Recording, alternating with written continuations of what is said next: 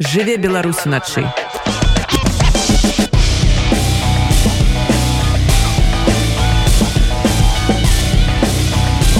Беларускія ноцы.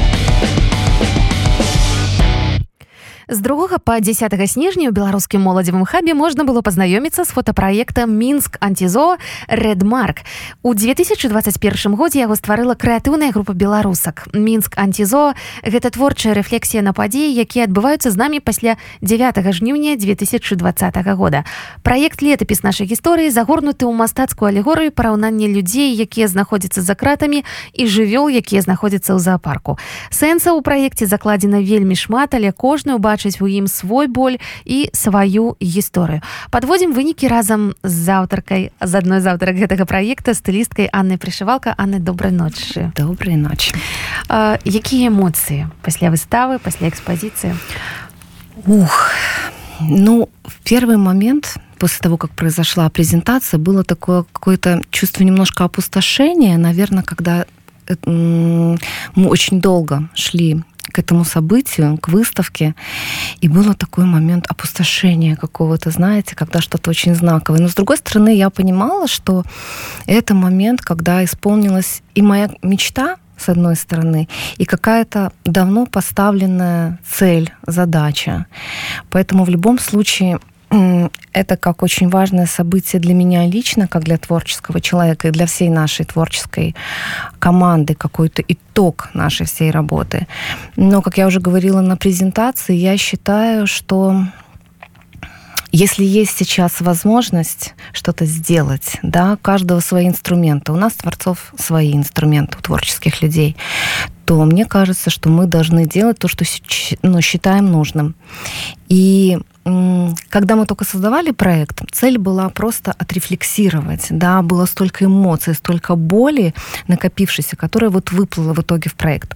А цель выставки была моя лично внести свой вклад в то, чтобы мы продолжали говорить чтобы мы продолжали помнить тех людей, которые сейчас находятся в местах лишения свободы, чтобы...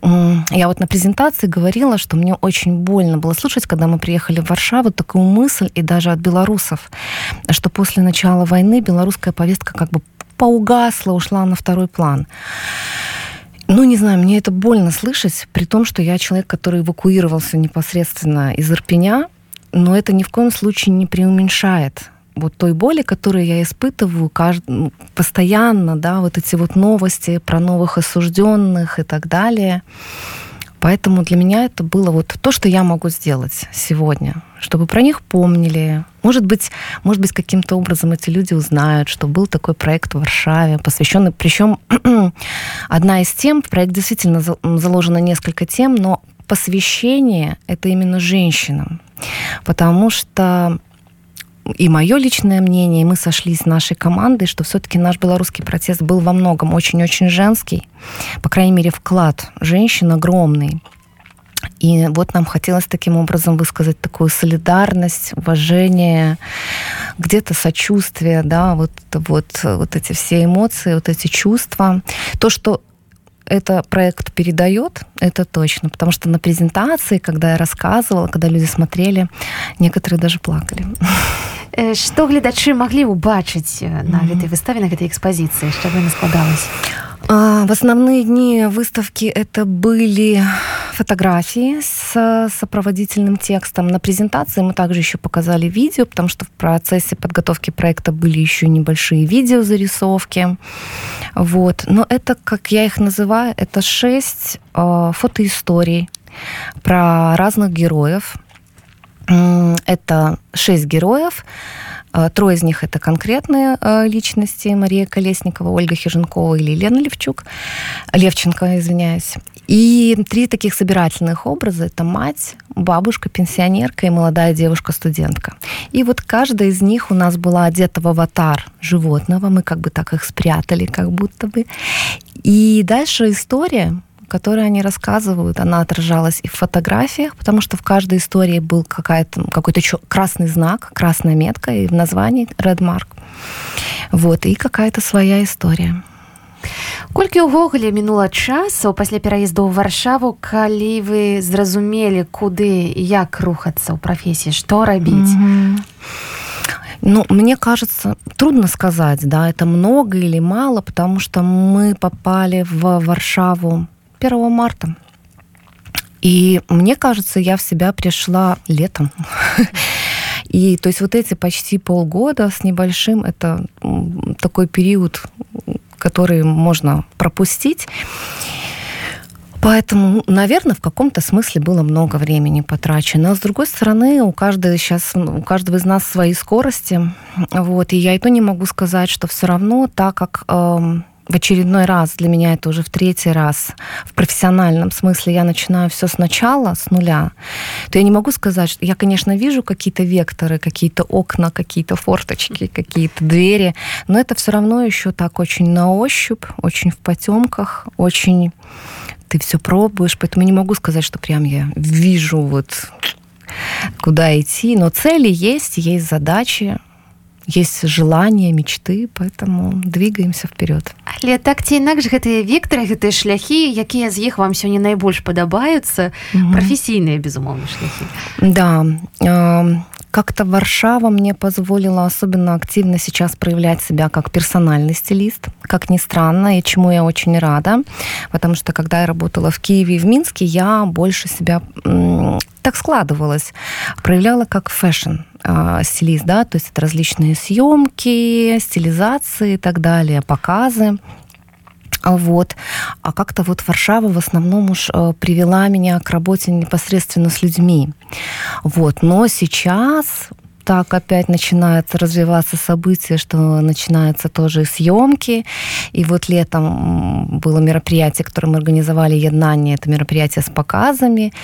И есть дальнейшие творческие планы вообще в развитии различных таких вот э, творческих фэшн-проектов. Так что направления такие вот сейчас в основном персанальны стыліст і у вас вельмі цікавы нстаграм вы робіце агляды mm -hmm. з крамавадзення варшаўскіх збіраеце вобразы ўсё гэта канешне выглядае вельмі цікава ролики па дзве Ну не па дзве хвілінкі нават менш да, да, да. выглядае все вельмі лёгка што стаіць за гэтай лёгкасцю за гэтай прыгажосцю вы знаете для меня это так и есть для меня это легко и это большое счастье потому что я вошла в эту профессию не так давно, мне было уже 30, скажем так, 30 плюс, то есть это моя вторая профессия, не первая, то есть сказать, что я много лет в этой профессии. А, и вот это такой счастливый момент для человека, когда вдруг ты находишь себя, и вот эти вот э, походы по магазинам, собирание образов, эм, для меня это нет это не такая нетрудная работа, что там трудилась, трудилась. Это все то, что я люблю, то, что при, при, приносит мне удовольствие.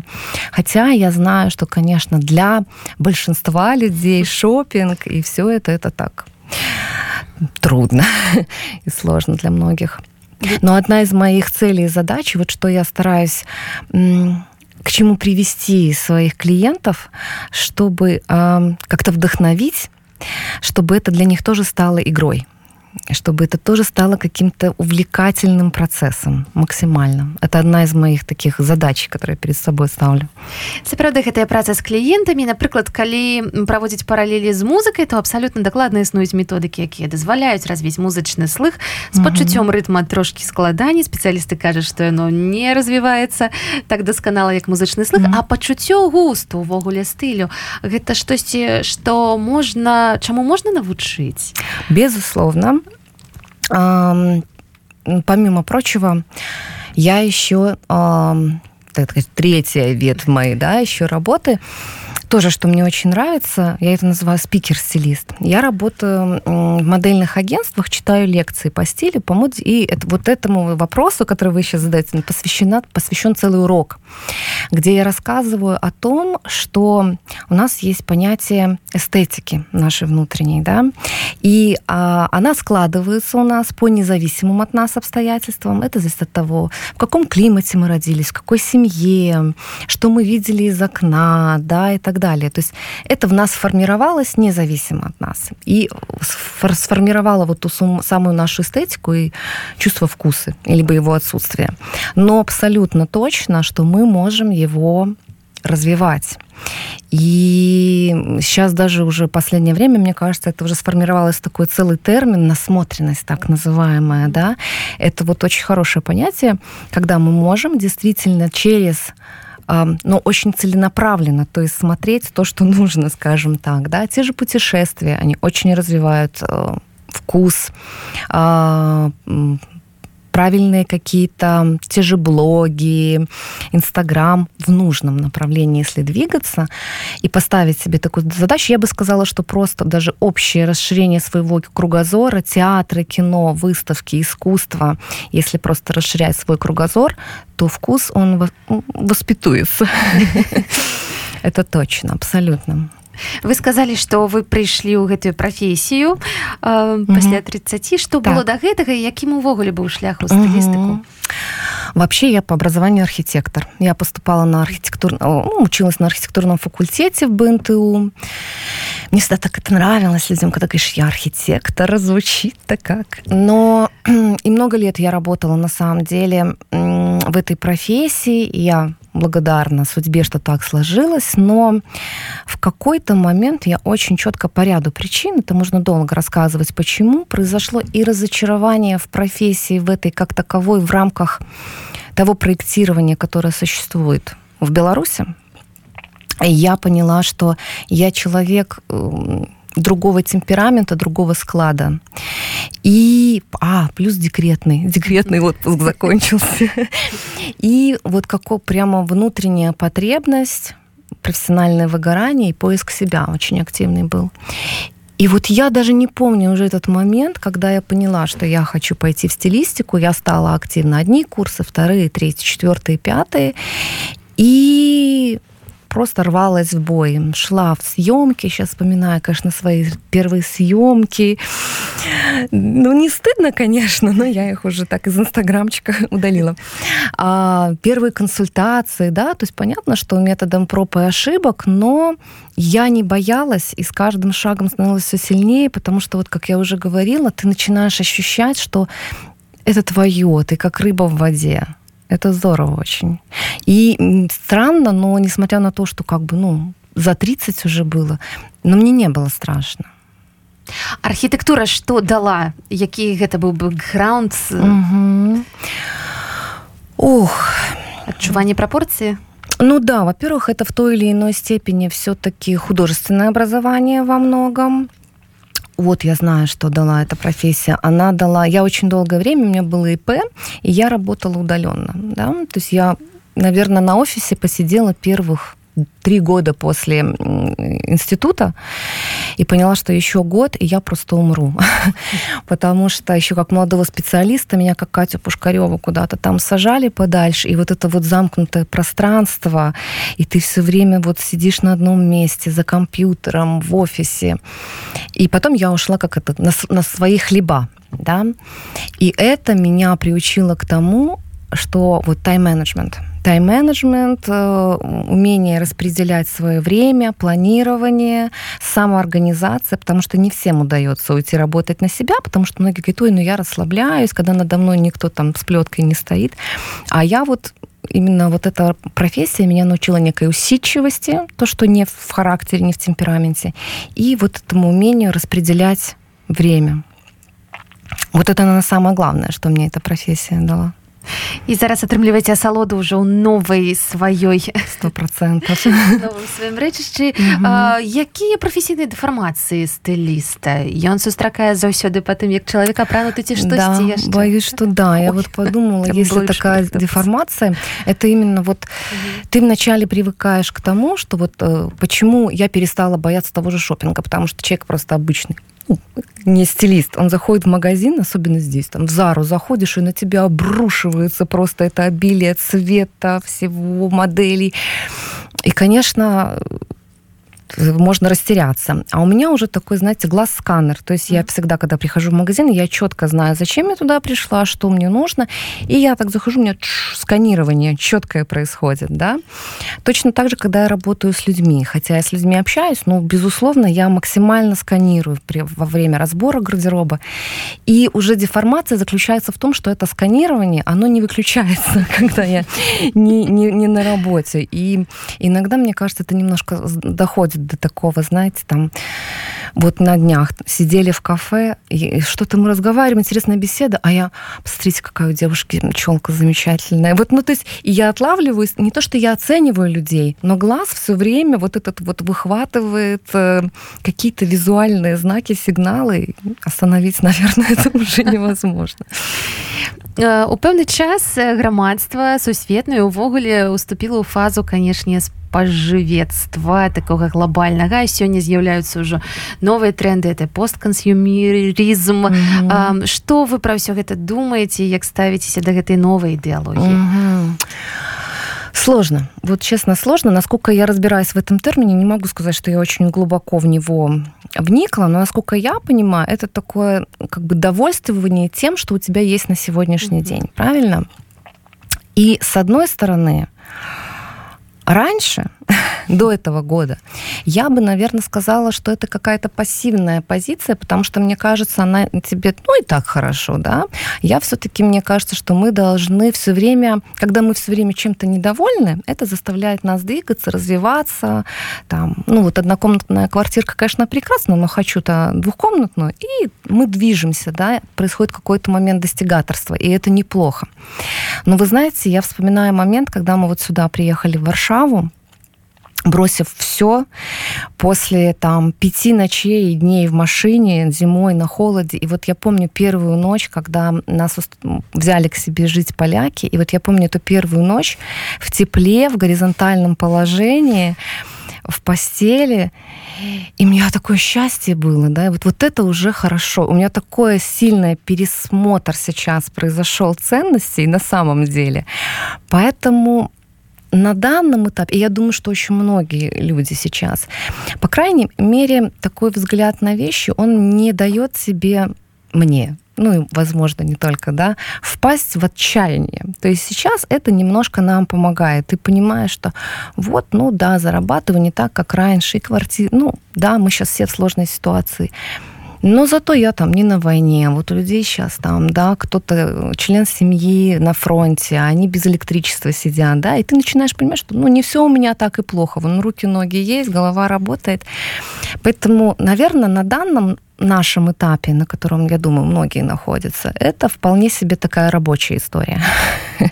Мне кажется, это очень субъективно. Ці ёсць яна ў тым, каб свядома купляць чагосьці менш, свядома не купіць Штосьці? Я не знаю. Наверное, наверное, это правильно. За какую-то экологичность mm-hmm. я, безусловно, приветствую там, да, и вот эти все э, тренды на вторичное потребление, апсайклинг, ресайклинг. Но как-то начинает, знаете, вот заморачиваться на этом очень сильно. Мы все равно человечество, мы все равно будем потреблять.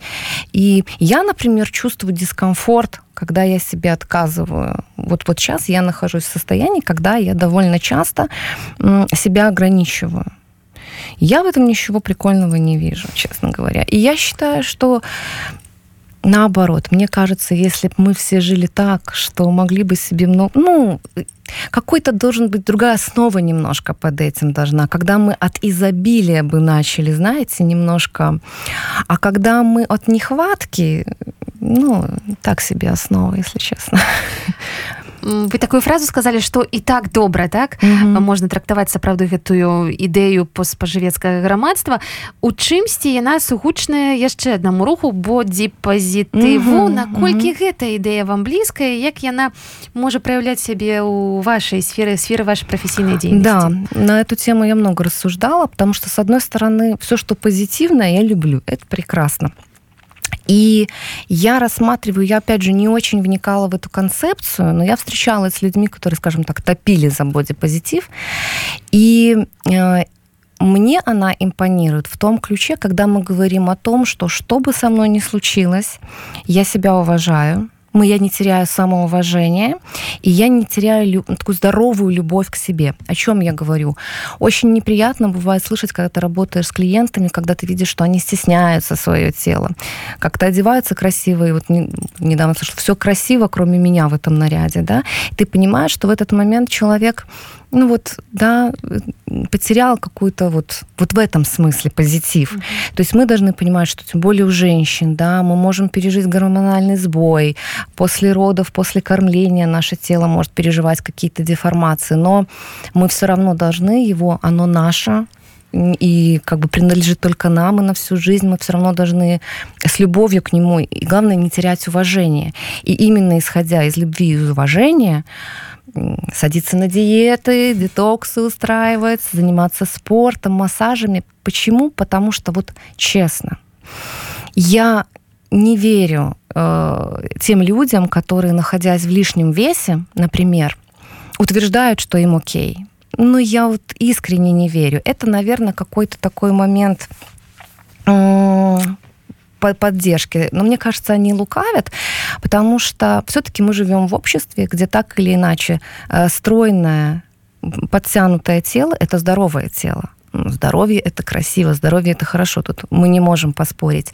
И, ну, согласитесь, когда, ох, мы не можем, ну, мы не поверим женщине, которая, ой, как я люблю свой целлюлит, там, да, или так далее. И мне кажется, что все равно в душе каждый из нас мечтает, не знаю, чтобы любимый мужчина подхватил его на, ее на руки и не умер в этот момент, да, там, или там изобразить сцену из голливудского фильма, когда у них этот поцелуй с запрыгиванием, да, ну, многие, ну, как бы, да, мы должны быть уверены, что нам еще скажут, боже, ты так, такая легкая, как пушинка.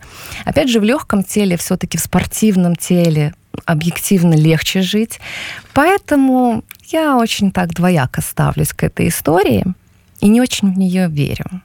Вот так вот вважала. Ну і мне кажется я аргументировала. Псіхологи раяць заўсёды пытацца ў людзей паспяховых або людзей якія вам падабаюцца як яны напрыклад выглядаюць што яны для гэтага робяць або якія іх такія звычкі такая штодзённая руціна ў добрым сэнсе.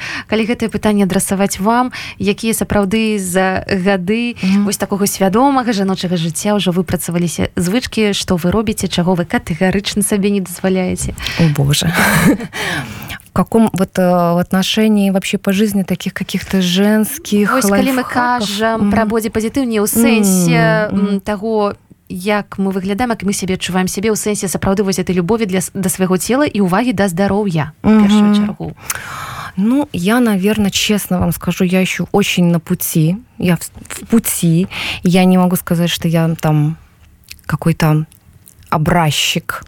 но меня радует, что вот в какие-то моменты, когда я чувствую, что какой-то спад идет и настроение, и самочувствие, и вот э, я с психологами очень много об этом говорила, у меня существует прямая взаимосвязь между внешним и внутренним.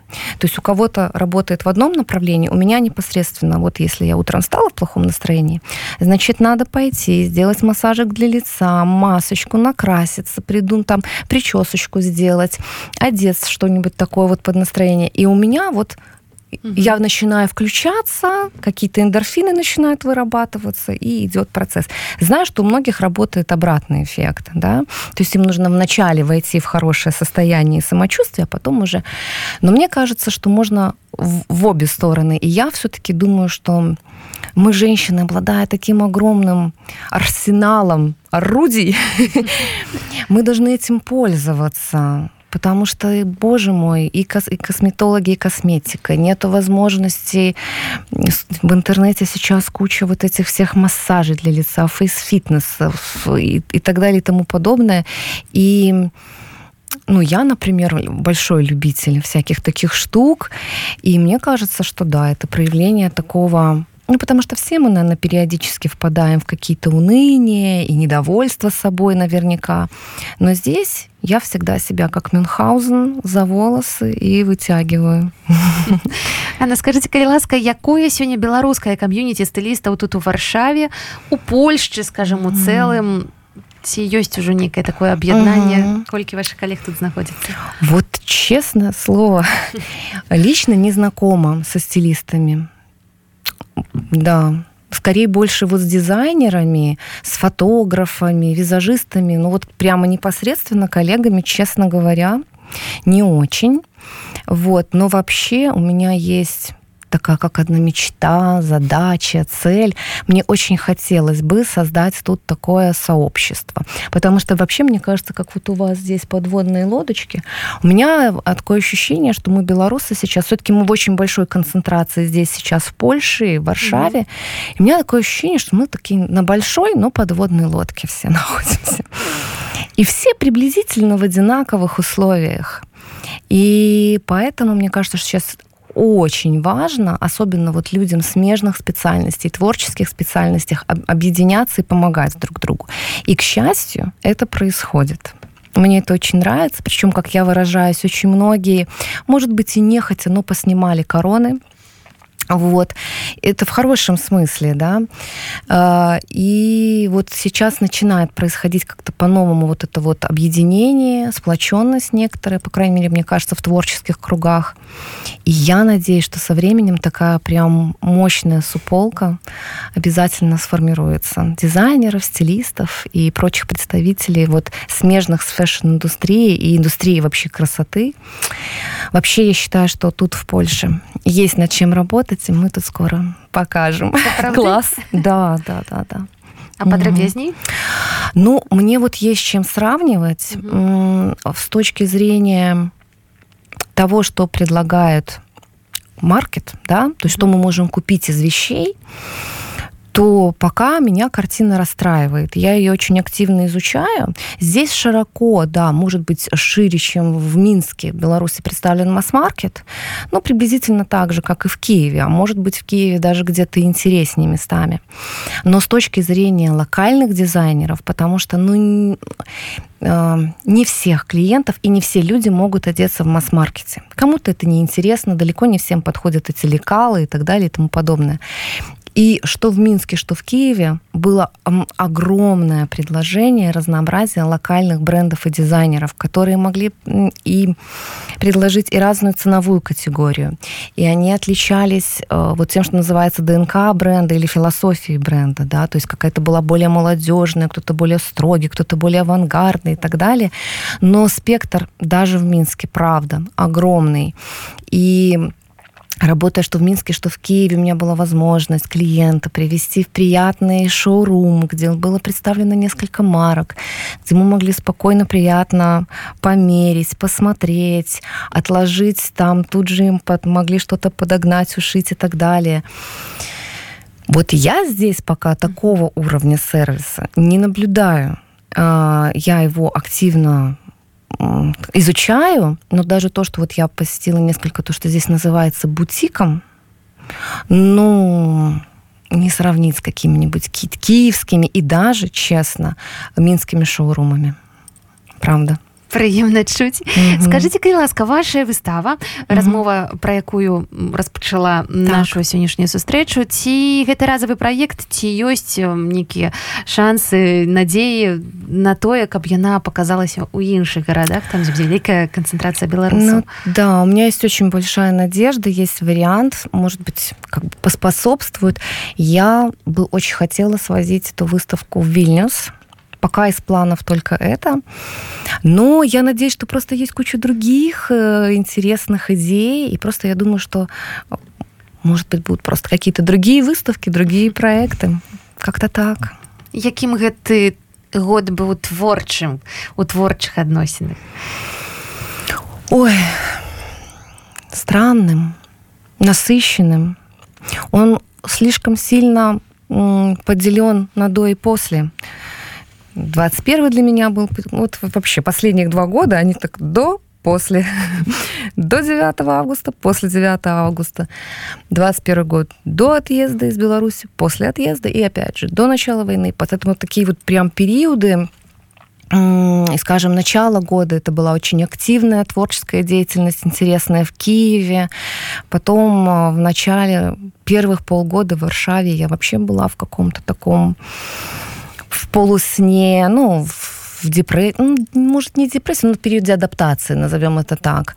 А вот сейчас, да, я считаю, что даже за последние 3-4, ну, даже 6 месяцев, два крупных творческих мероприятий, ну, это классно.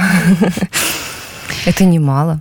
Дзякую вам вялікі за сустрэчу вас можна знайсці ў нстаграме Так. паназіраць за вамі там а таксама напрыклад э, Да. запісацца на паслугу персанальнага Всех стыліста приглашаю обязательно. Поиграем. Дзякую вялікі Анна прышывалка сёння была разам з намі наш эфір працягваецца заставайцеся на радыёнет Жыве Беларусь уначы.